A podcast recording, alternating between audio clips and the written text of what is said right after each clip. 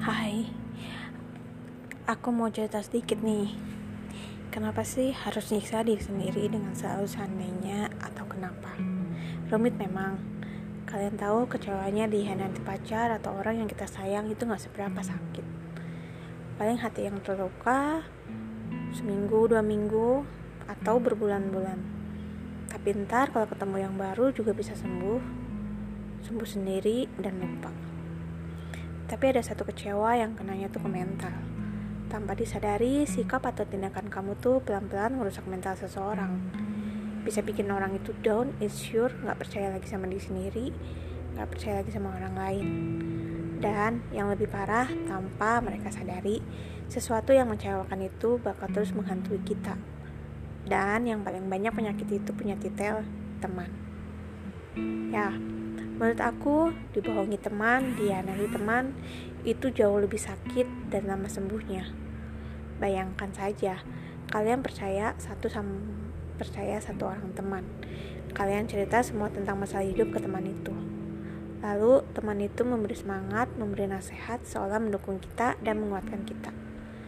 Tapi pada akhirnya kita tahu bahwa dia ternyata gak beda jauh sama dia yang mengkhianati kita.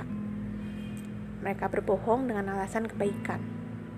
Mereka berbohong dengan alasan sudah janji tidak akan membocorkan. Kenapa mereka berbohong? Ya, mungkin karena kita tidak dianggap teman. Berkali-kali saya jatuh dalam kecewa seorang teman. Mereka tanpa rasa bersalah terus berbohong dan terus berpura-pura berteman. Hingga akhirnya semua terbongkar. Aku hanya bisa bertanya, "Mengapa? Mengapa kamu berbohong?"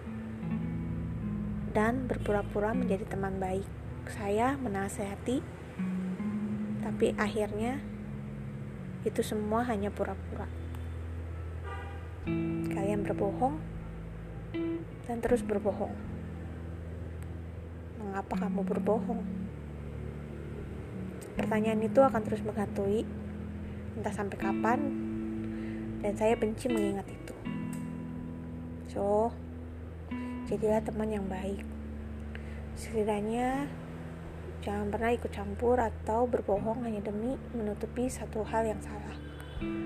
Lebih baik tersakiti karena jujur daripada kamu menutup-nutupinya hingga akhirnya semua terbongkar. Semoga kita bisa menjadi manusia yang lebih baik, menjadi teman yang lebih baik. Semangat!